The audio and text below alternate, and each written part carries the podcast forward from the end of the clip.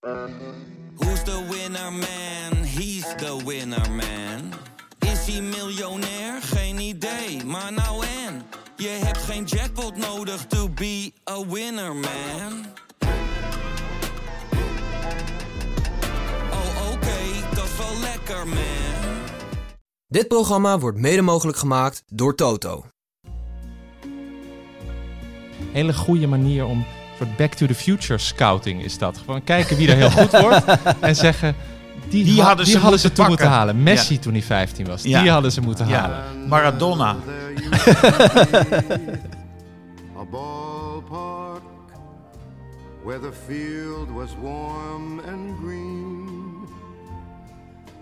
and the people played. Goedemorgen, het is koud. Althans, buiten was het koud. Hier is het zo behagelijk warm. En eh, dit is de 27e WK-podcast van Hartgras. De 101ste podcast in zijn algemeenheid van Hartgras. En eh, ik neem om te beginnen, ik zal eerst nog even zeggen dat tegenover mij Thomas Heerma van Vos zit. Naast hem Ivo Victoria. Eh, soms onze Belgische correspondent, maar dat is nu niet meer nodig, want de Belgen doen niet meer mee aan het toernooi. Ehm, ik bedoel hier niks mee. Tuurlijk Eh, niet. eh, maar wel een beetje misschien de follow-up kunnen we nog even doornemen. Maar eh, beginnen met het overlijden van eh Sinisa Mikhailovic. En iets wat ik nooit zal vergeten, is dat hij in 1998 de donkere kant van Bergham, Bergkamp tevoorschijn toverde. Door eh, op de grond liggend een keiharde stamp met de kiks van Bergkamp in zijn rug te krijgen. Herinneren jullie je dat? Ik herinner het me zeker, want het WK 98 was voor mij, ik ben geboren in 1990, het eerste toernooi dat ik echt zag en meekreeg. En via de ogen van mijn vader en broer begreep ik dat het heel belangrijk was. En ik Ja. trok me daar ook een beetje aan op. En zoals dat dan gaat met die jeugdtoernooien, die maken de diepste indruk. En ik vond toen eh Joegoslavië, waar we ook in 2000 tegen speelden, vond ik een machtige ploeg. En die Mihail Mihailovic en eh, Mijatovic, dat waren spelers waar ik met, toen al met bewondering naar keek. En ik weet inderdaad nog dat moment van Bergkamp. Dat was in, de, in die achtste finale. Het werd uiteindelijk 1-0, maar het ging moeizaam. Dat hoorde ik mijn vader ook steeds zeggen. Het gaat En- moeizaam, het gaat moeizaam jongens. Die dacht ook dat we eruit gingen.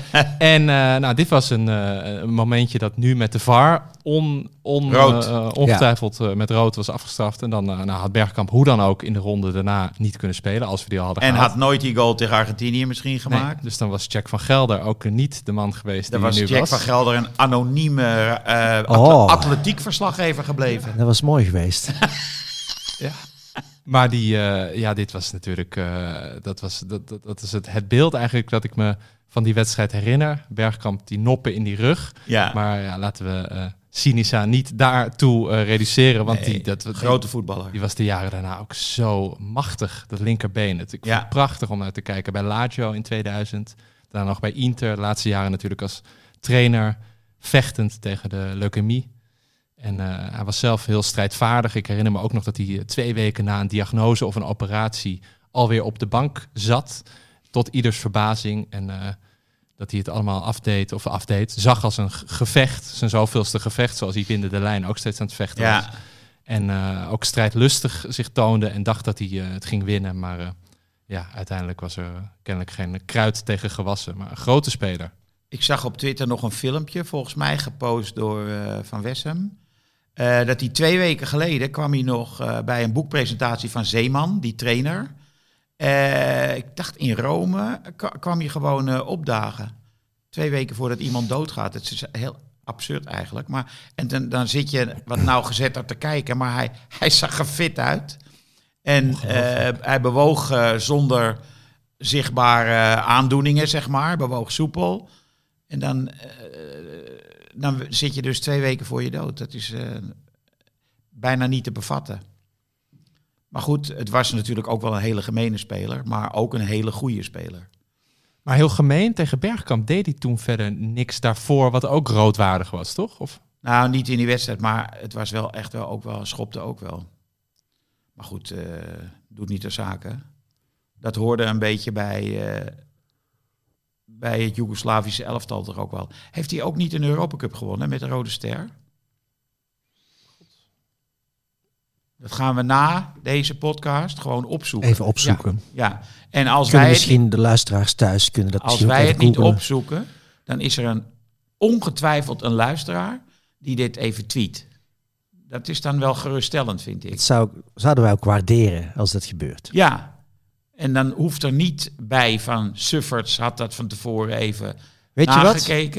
We gaan het niet opzoeken na de uitzending. Nee, we wachten gewoon af we wachten tot iemand het ons tot die vertelt. tweet komt. Rode Ster Belgrado, eind jaren 80 meen ik. Nou ja, anyway. Er vallen rest- geen prijzen te winnen. Nee, Gewoon puur voor de eer. Ja, ja. Eh, wie ook geen prijzen gaat winnen is Valentijn Driessen. Want jij, jij, las een, eh, jij las een ontdekking van Valentijn. Ja, ik moest toch weer heel erg lachen. Ik zit dan altijd eh, op Voetbalzone en VI en al die bekende sites. Ja. Ik het, het nieuws door te nemen. En ik zag daar een stukje met uitgetypte citaten van Valentijn Driessen. Ja, ik moest daar in bed las ik het nog keihard om lachen. En eh, hij, hij zei: Ik heb twee ontdekkingen gezien dit toernooi. En, Ja. en toen dacht ik, nou, ik ging al iets rechter zitten. Nu, nu komt het. De, Ja. de vergeten rechtsback, een buitenspeler. Ja, Eh, en hij zegt er wel achter, die zijn natuurlijk onhaalbaar voor Ajax. Want daar ging, ging het over. Nou, de twee ontdekkingen, Jude Bellingham en Jamal Musiala. ja dit- dit- dat geloof je toch niet, hè? Die man die hij moet de arendsogen hebben. Die zit zo kort bij het vuur ook. Ja, natuurlijk. Die heeft ja. allemaal lijntjes lopen. Ja, En in dat stuk zei hij verder dat Ajax afgelopen zomer eigenlijk Hernandez van Benfica en Argentinië had moeten halen. En toen dacht ik, oh ja, dat is ook een hele goede manier om, een soort back to the future scouting is dat. Gewoon kijken wie er heel goed wordt en zeggen, die, Die ha- hadden die ze hadden ze moeten toen moeten halen. Messi Ja. toen hij 15 was, Ja. die hadden ze moeten ja. halen. Maradona. Ja. In de komende Hartgras, ik verklap het nu pas, eh, nu vast, eh, die verschijnt ergens eind januari, komt er een, eh, een interview gemaakt door een Italiaans-Amerikaanse journalist. boek is net verschenen in New York. over, met een interview met Maradona over Messi. En ik heb dat gelezen. Simon Cooper stuurde het me toe. Het is echt hartstikke interessant wat hij over de persoonlijkheid van Messi vertelt. Dat hij ze, nou, ik ga het niet, dat ga ik niet allemaal over uit. Van wanneer is dat? Eh, het, eh, het eerste interview is gemaakt in 2014 en het tweede in 2016, allebei in Dubai. Toen werkte hij daar misschien, Maradona, weet niet. Maar het is echt hartstikke leuk. Nou ja. Ehm, verder, even goed nadenken hoor. Ehm, nou ja, Henk Vrezer hebben we behandeld gisteren. Heeft hij verder nog dingen toegevoegd aan... eh, Nou, hij heeft gisteren interviews gegeven, of in ieder geval een interview. Dat was geloof ik pas gisteren gegeven eh, bij de NOS, zag ik Ja? dat. En eh, nou, het was het grote boetekleed dat hij aantrok. Ik Ja. vond het ook wel, wel... Hij heeft natuurlijk iets heel krachtigs en stoers in zijn uitstraling. Hij stond daar ook wel... Ik, wel vier, hand in eigen boezem. Maar ik moest toch ook weer een beetje, een beetje gniffelen. Want hij ging, het ging uiteindelijk na vijf minuten waarin hij eh, zei... eh, Utrecht treft geen blaam. Eh, Zuidam is geweldig. Van Seumeren, dikke duim omhoog. Ik heb het zelf gedaan. Toen, toen zei hij eerst... Ik heb de handeling gedaan en ik moet dealen met de consequenties. Nou, dat vind ik altijd van die mooie voetbalzinnen. Ik heb de handeling gedaan. Ja. ja, En toen mooi. ging het uiteindelijk over die handeling zelf, met Younes dus. En toen ja, toch een lichte nuance. Toen zei hij, ik wilde hem eigenlijk bij zijn kraag pakken. Maar die trainingspakken van tegenwoordig, die hebben geen kraag meer. Het zit dus meteen om je nek. Dus het lag een beetje aan Henk Vrezer, maar ook een beetje aan het aan het trainingspak. kleding, ja. Ja. Oh. Dat is wel waar wat hij zegt. Die trainingspakken en ook de shirts, die hebben kraagjes zie je bijna niet meer. Het zijn allemaal van die, van die dingen die, ja, eh, een soort van, hoe, noemen ze dat? Body fit.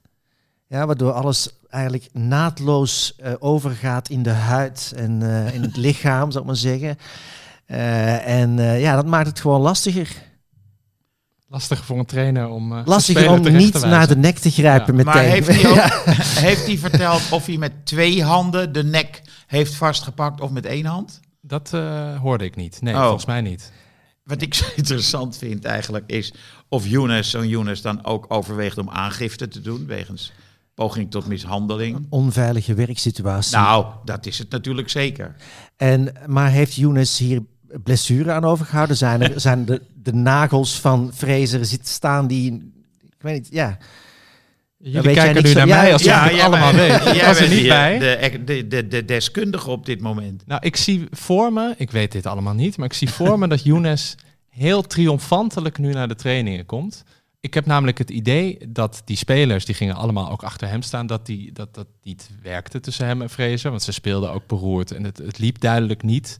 En ik, ik denk ook dat zelfs Henk Fraser niet zomaar iemand vastpakt. Dus dat moet al tijdens zo'n trainingspartijtje moet al hebben ge- geborreld en geknaagd. Ik, ik, ik zou heel graag beelden ervan zien. En ik denk dat Younes nu zeker een paar weken heel tevreden op de trainingen aankomt. dat hij denkt, ik heb het voor elkaar gekregen. Hij is weg. Hij is Hij weg. is weg. Ja, mooi. Maar ik, eh, het gemak waarmee Younes nu door iedereen eh, wordt betiteld als een ongelofelijke etterbuil, vind ik ook wel een beetje verbazingwekkend hoor. Want eh, ja, hij wilde een keer niet invallen hè, bij Ajax. Ja. Eén minuut voor tijd.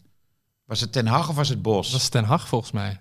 Eén minuut voor tijd. de Cristiano Ronaldo avant la lettre van eh, Ten Hag. Hij deed toen net niet zijn vinger zo tegen zijn neus. Maar daar leek het wel op. Schöne zat toen achter hem, herinner ik me nog. Die moest lachen. En dit was ook zijn laatste actie, toch, voor Ajax? Volgens mij wel. Maar ik heb altijd een zwak voor hem, want eh, hij is dus van Libanese komaf. En eh, hij heeft daar, eh, ik geloof bij Aleppo, een voetbalschool opgericht. eh, waar ook Syrische jongens konden voetballen, et cetera, et cetera. Stopte daar geld in. Ik heb gezocht gisteren op internet of het nog bestaat, maar kon dat niet vinden. Maar in ieder geval, eh, in die periode dat hij bij Ajax speelde, is hij daarmee begonnen. Dus eh, wat mij betreft kan hij geen kwaad doen. En ben ik tegen het vastpakken, al of niet met lange nagels, van de nek van Younes. En voor het ontslag dus van Henk Vrees. Nou ja, dat, dat, ja, ik vind het dan wel raar dat zo'n club dan meteen zegt, je bent ontslagen. Want er wordt toch van hartstikke veel ge- gevochten. Precies, je hebt ook regelmatig knokpartijtjes op training. Ja. Worden die spelers ook niet ontslagen. Nee. Dus er moet al langer wat eh, geborreld hebben, dat kan niet anders. Eh, maar zo meteen, zo snel, zonder, hè, je zou zeggen, onderzoek. We stellen een vertrouwenspersoon Ja, aan. ja, ja. die een commissie. eh, de betrokkenen Sessies zal gaan. eh, ja, dat, dat is toch hoe je het doet tegenwoordig. Ja, de politiepsycholoog wordt dan voorzitter van het onderzoek. Zie ik Misschien heeft. Fraser nog wel een case als hij een goede arbeids. eh, Maar hij is niet ontslagen. Hij is uiteindelijk opgestapt met de mededeling... als hij niet was opgestapt, dan Zou was hij ontslagen. Wat Ah, ik ook een bizarre trap na vind. Dan gaat hij al weg. Dan zeg je van...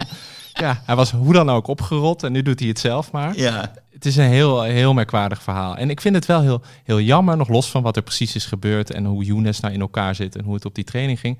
Ik vind het wel jammer, want Fraser vind ik een zeer eh, charismatische...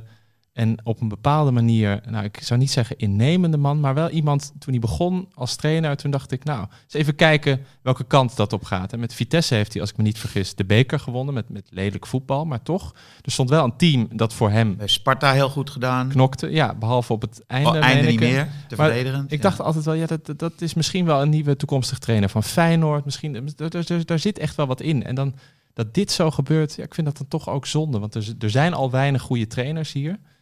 Hier in Nederland. Ja. Ja, nou, dit is natuurlijk zeer roemloos. En ik, ik ben benieuwd welke club zich nu eh, aan hem gaat wagen, wil branden. Saoedi-Arabië?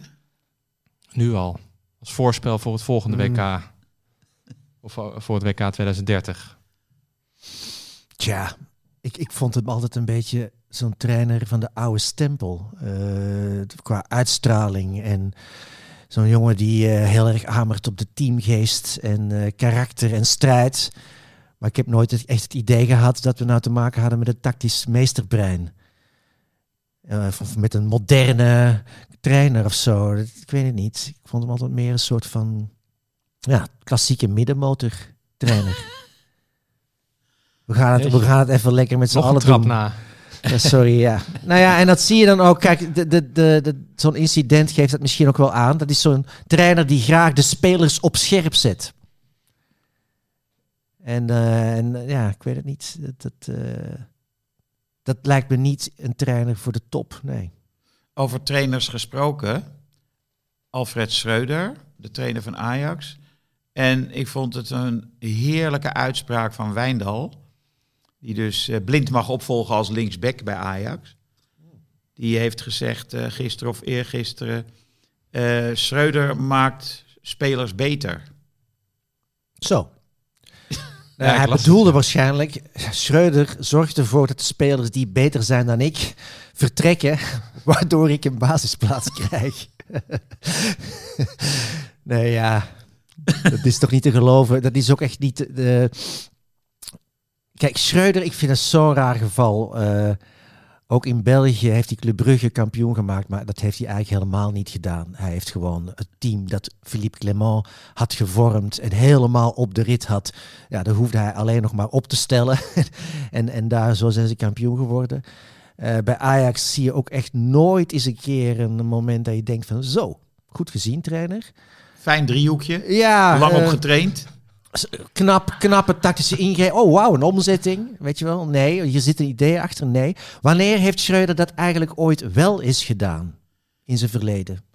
Dan wij denk, da- waar, hoe, hoe zijn ze bij Ajax eigenlijk op het idee gekomen dat dat een hoofdcoach was? Omdat hij de assistent van Ten Hag was. ja, ja. Tactisch meesterbrein, hè? Ja, Ja, werd tactische hij genoemd. meesterbrein van Den Haag, ja. Zei hij zelf. Holy shit. Nee, eh, dus dat is, dat is heel raar. Maar ik, ik hoop dus dat Daley Blind eh, richting Antwerpen gaat. Hè? Dat wordt nu gezegd. Ja. Eh Overmars hem daar gaat binnenhalen. spelers, zij, zij spelen, Van Bommel speelt natuurlijk 4-3-3. Ja. Ehm, Die gaan niet dat elftal omvormen. Met drie centrale verdedigers. Dus Nee. dan, dan, zeg maar, het zwakke punt van Blind wordt dan niet eh, weggemoffeld door het systeem. dat klopt. En het Belgische voetbal is eh, een heel ander soort voetbal dan de Nederlandse competitie. Lange halen. Dat heeft, eh, ja, dat heeft Van Bommel zelf ook al mogen ondervinden. Hè. Eh, hij probeert daar bij Antwerpen goed voetbal in te brengen. Van, van achteruit opbouwen. Ja. Maar als je dan een keer uit naar Kortrijk moet en je komt daar te staan tegenover elf mannetjesputters die er gewoon de beuk in gooien en, en inderdaad met lange halen, eh, dan, eh, dan verlies je gewoon. Ja. Dus eh, Maar dan heeft hij Alderwereld om eh, veel te repareren, toch? jawel, jawel, al de wereld doet het heel goed bij Antwerpen. Maar ik wil zeggen dat dat voor Delhi Blind misschien eh, eh, lastig wordt om zich daaraan aan te passen aan dat soort voetbal. Het is gewoon veel eh, feller en eh, korter op de man eh, voetbal. Er wordt bij- minder gevoetbald, zal ik maar zeggen. Een soort. KKD-voetbal. Ja, het is, ja, ja, het, dat, het is wat, eh, wat meer man-aan-man eh, gevechten. Iets primitiever. Ja, dat mag je wel zeggen. Maar, Waar daar, je maar wel- daar niet eh, simpeler om te winnen. Nee, daar kan je best eh, resultaten mee halen. Ja, zeker. Ehm, nou, het laatste, ik heb L'Equipe vanmorgen gelezen. Het laatste nieuws uit de ziekenboeg van het Franse elftal is dat er weer spelers geveld zijn. Door een griep die officieel geen COVID heet. Ja, Maar alles doet toch vermoeden dat we daarmee te maken hebben. Want iedereen moet mondkapjes op nu in het trainingskamp. Journalisten, de staf. Overal, bij, bij elke deur staat die eh, eh, hydroalcoholische gel. Waarmee je je handen moet insmeren. Eh, ik geloof dat Varane en Konaté weer redelijk hersteld zijn. Koman daarentegen niet. En de nieuwe slachtoffers zijn, even kijken hoor. Ik had het ergens genoteerd. Eh, maar ik kan mijn eigen handschrift niet zo goed lezen. nou ja, in ieder geval, het waren spelers met 38-2 en 38-5 qua verhoging. Dus eh, ja. En de vraag is, Het was- kan je hè? het was natuurlijk sowieso wonderlijk dat we dit hele WK nog geen COVID één hebben keer gehad? COVID hebben gehad. Ja. Terwijl het van tevoren toch werd gezien als een van eh, ja, als een groot risico. Nu die airconditioning eh, blijkt de grote boosdoener dit, dit WK. En dan zou er geen COVID zijn. ja, want Dat- die deeltjes valt bijna verspreiden zich natuurlijk ook via de air, airconditioning. Uiteraard. Ja. Dat is, dat is juist een van de. Dus hier klopt niks van. Maar er zou ook nog natuurlijk kwaad opzet eh, in het spel kunnen zijn. Hè?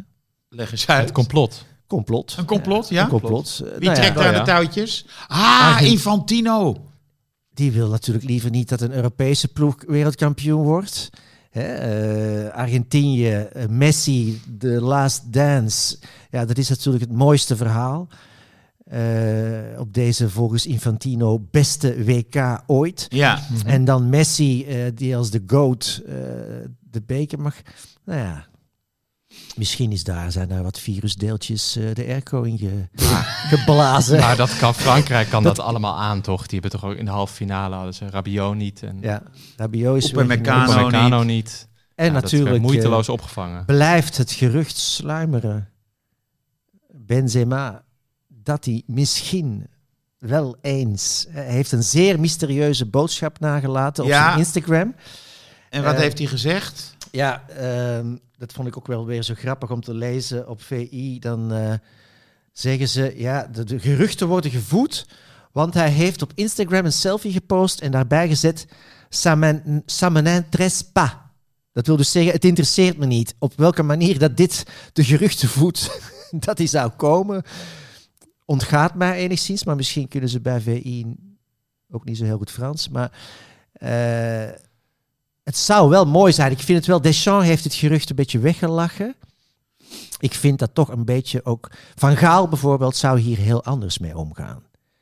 Deschamps mist daar toch de fantasie om dit uit te spelen. Ja, al is het ironisch. Ja, Precies. Ja, en ja. Van Gaal die zou zeggen van, nou ja, hij staat op de lijst. Ja, ja dus Hij je weet kan- het niet. Ja, ja, ja. ja. En het zou natuurlijk geweldig zijn als hij zondag gewoon op de bank zit.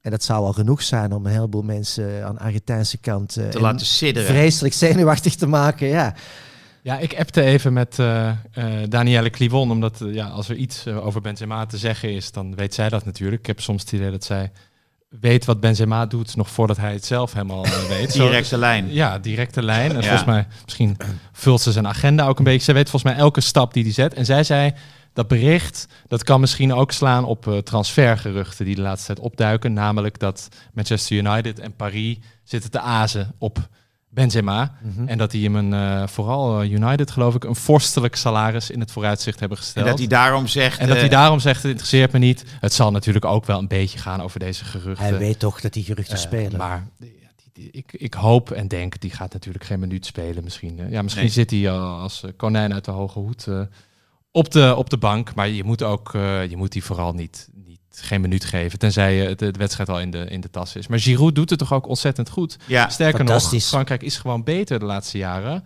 met Giroud dan met Benzema. Dat was ook het vorige toernooi zo. nou, dat zou ik niet meteen willen beamen. Maar dat hij dit, dit toernooi gewoon heel belangrijk is, staat vast. Ja. En het EK was toch die roemloze, uit of eh, die spectaculaire Zwitserland. Ja.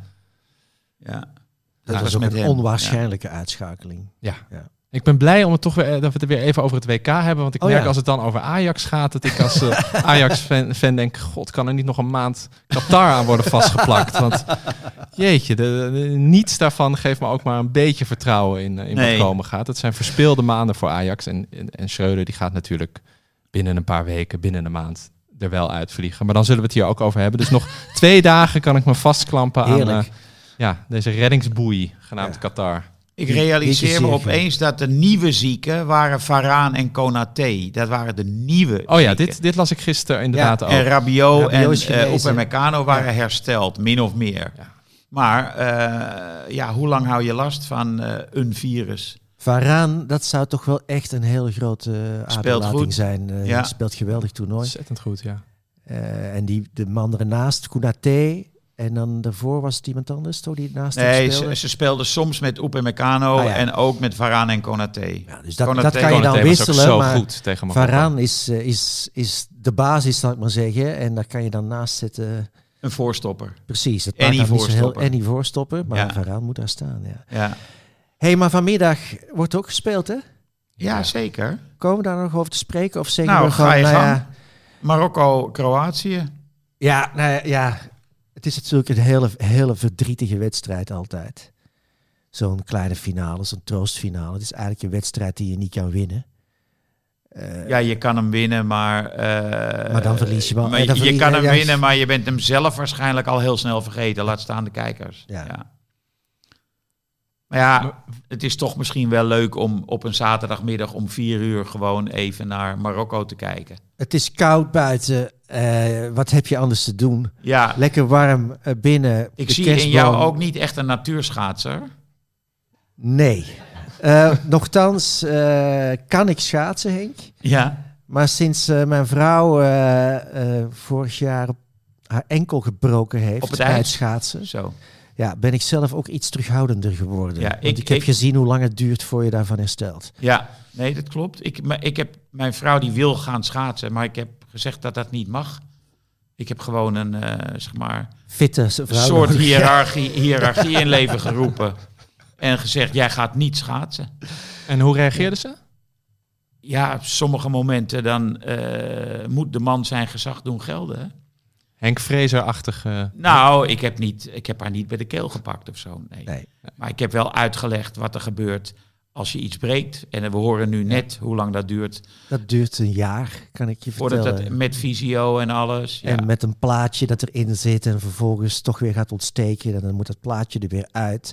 Het is een enorm gedoe, hoor, zo'n gebroken enkel. ja. En eh, niet alleen enkels breken, maar eh, hersenschuddingen. Mensen die achterover klappen. De laatste keer dat ik ben gaan schaatsen, ben ik dus achterover geklapt. Kijk, Eh, en kon ik nog net de, de klap op mijn achterhoofd, nog net eh, zo met een soort van stuiptrekking voorkomen dat het al te hard, eh, dat ik al te hard het ijs raakte. je pakte ook nog een, pas, een schouder mee. Nou ja, als je, als je dan zo heel ver- verkrampt probeert te vermijden dat je hoofd het ijs raakt, dan gaan er in allerlei andere lichaamsdelen Ja. weer spieren. Bijvoorbeeld je nek, ja. Ach. Dus ik vind het heel jammer, want ik hou wel enorm van schaatsen. Ik hou wel van dat gevoel om Heb zo, je dat in eh, Nederland geleerd? Nee, ik... eh, In Antwerpen, ik- in Antwerpen, als het echt vroor, dan gingen we schaatsen op de Donk. riviertje. Een, Sloot. plas, een plas is dat in Plas. de buurt eh, van Antwerpen. En dat vond ik altijd fantastisch. Ja, absoluut. En jij, Thomas? Nee, ik schaats eh, niet, nooit. Maar van die wedstrijd vanmiddag, dat vooruitzicht, zou ik bijna willen gaan schaatsen. Want dat is een wedstrijd waar ik zo ontzettend weinig zin in heb. Ik eh, geloof dat er tijdens dit WK 64 wedstrijden in totaal zijn. En ik denk dat dit wel de meest onzinnige en overbodige is. Want niemand van die spelers wil. Ze zijn allemaal moe. De trainer van Marokko zei zelfs gisteren expliciet... nou, van mij hoeft dit allemaal niet. Je zag het al aan de laatste wedstrijden. Ze zijn doodop. Bij Marokko zijn, zijn drie van de vier verdedigers geblesseerd. Eh, ik las bij Kroatië dat dan Brozovic rust krijgt. Ja.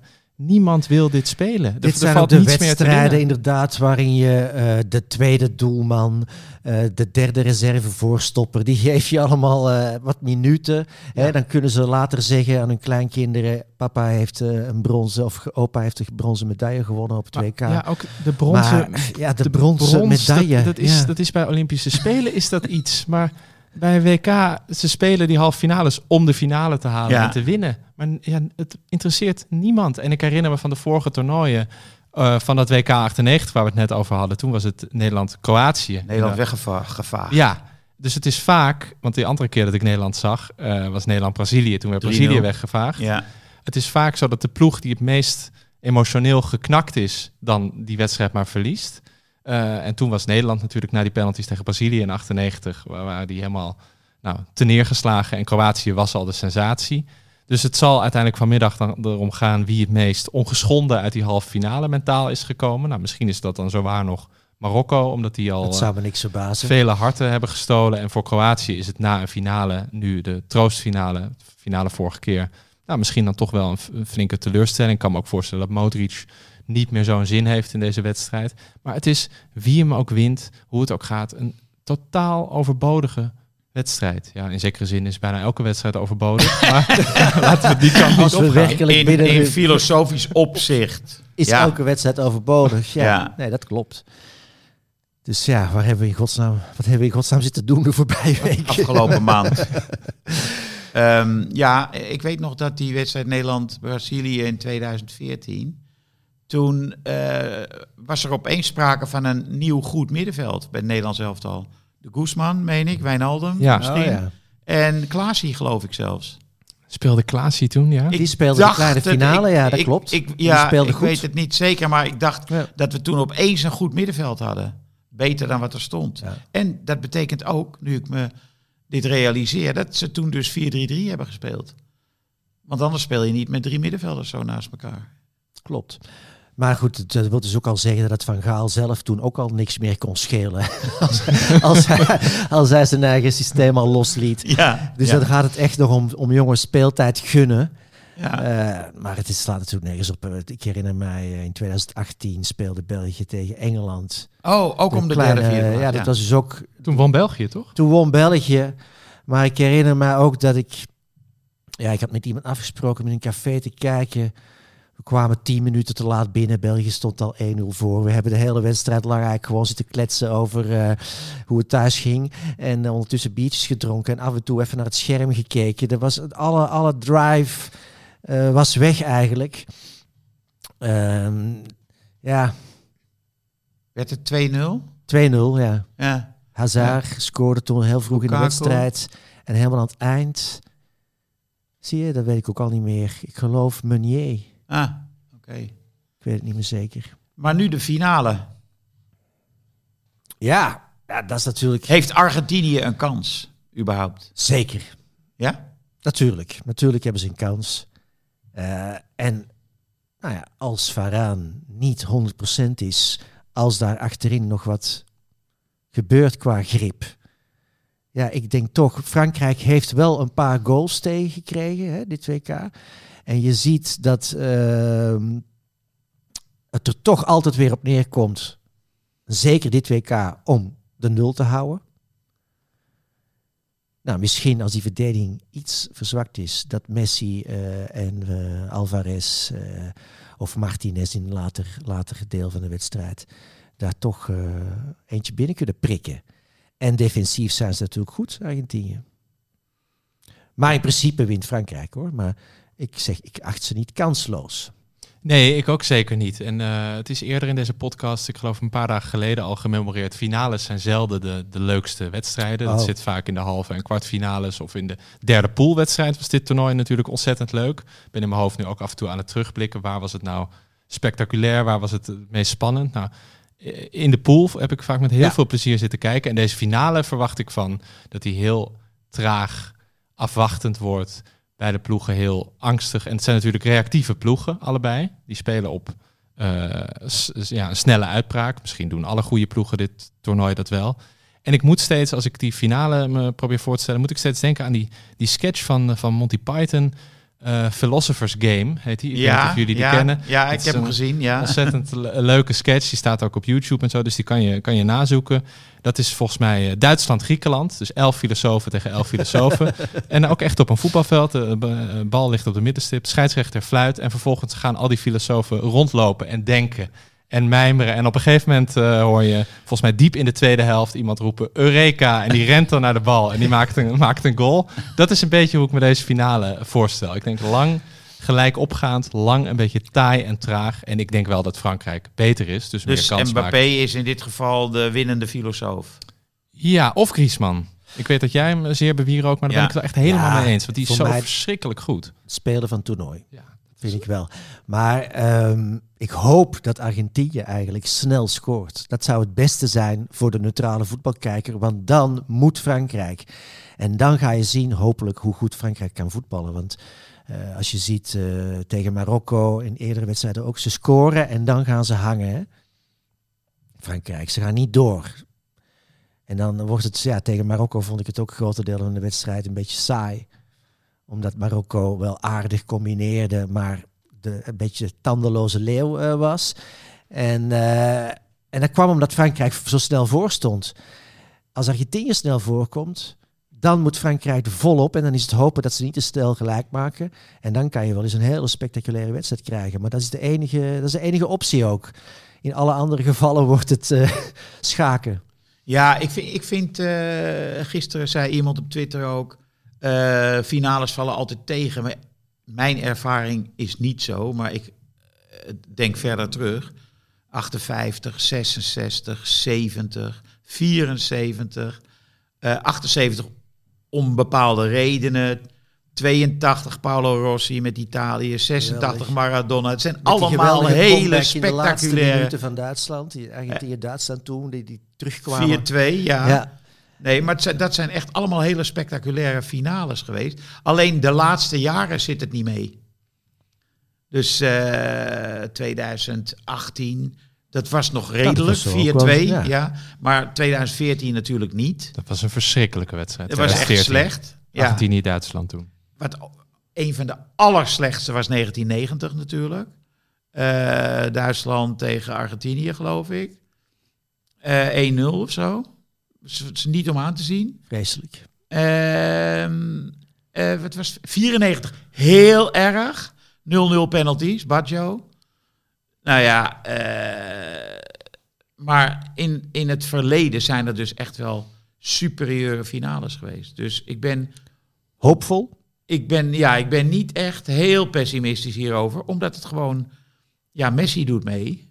En eh, Frankrijk heeft Mbappé, Griezmann, Dembélé, eh Chouameni. Ik bedoel, allemaal echte goede voetballers. Dus eh, we doen eigenlijk eh, maar een voorspelling. Hebben we gisteren ook wel gedaan.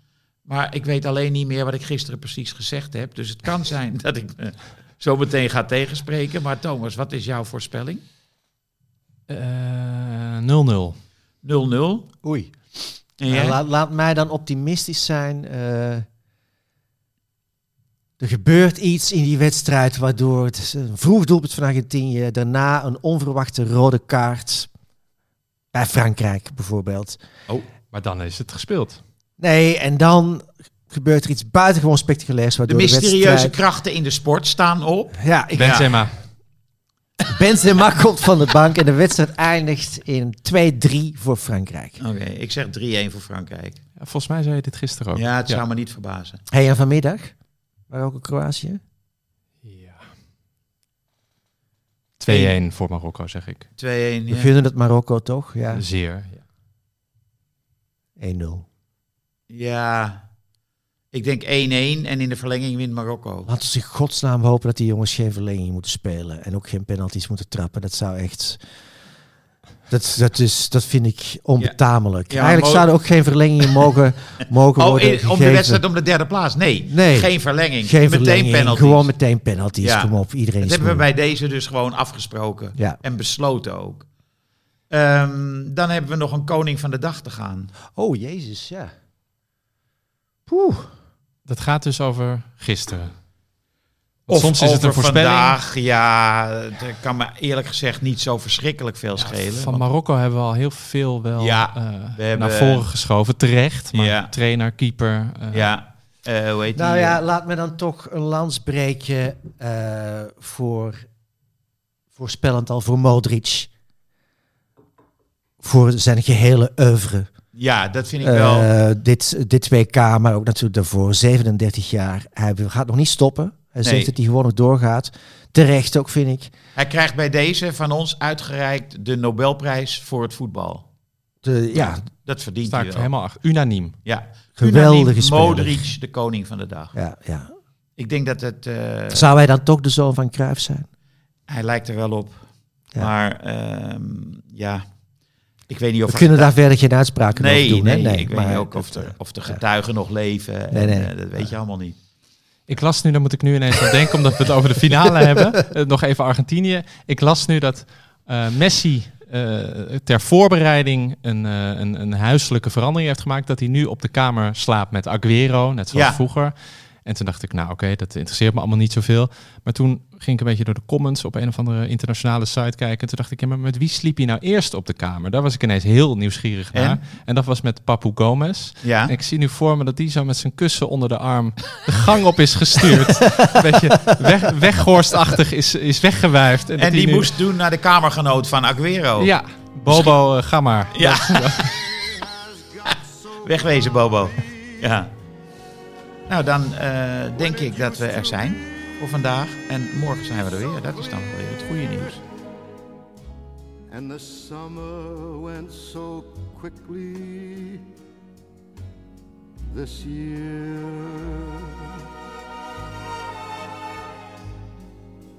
De feestdagen komen eraan. De tijd van de cadeaus is aangebroken. Neem een probeerabonnement op Hartgras. Twee nummers voor 17,50.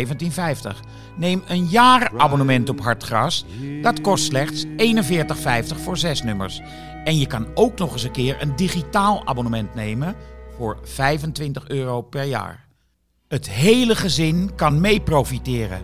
Ga naar hartgras.nl en druk op één knop en je bent abonnee. Dit programma werd mede mogelijk gemaakt door Toto.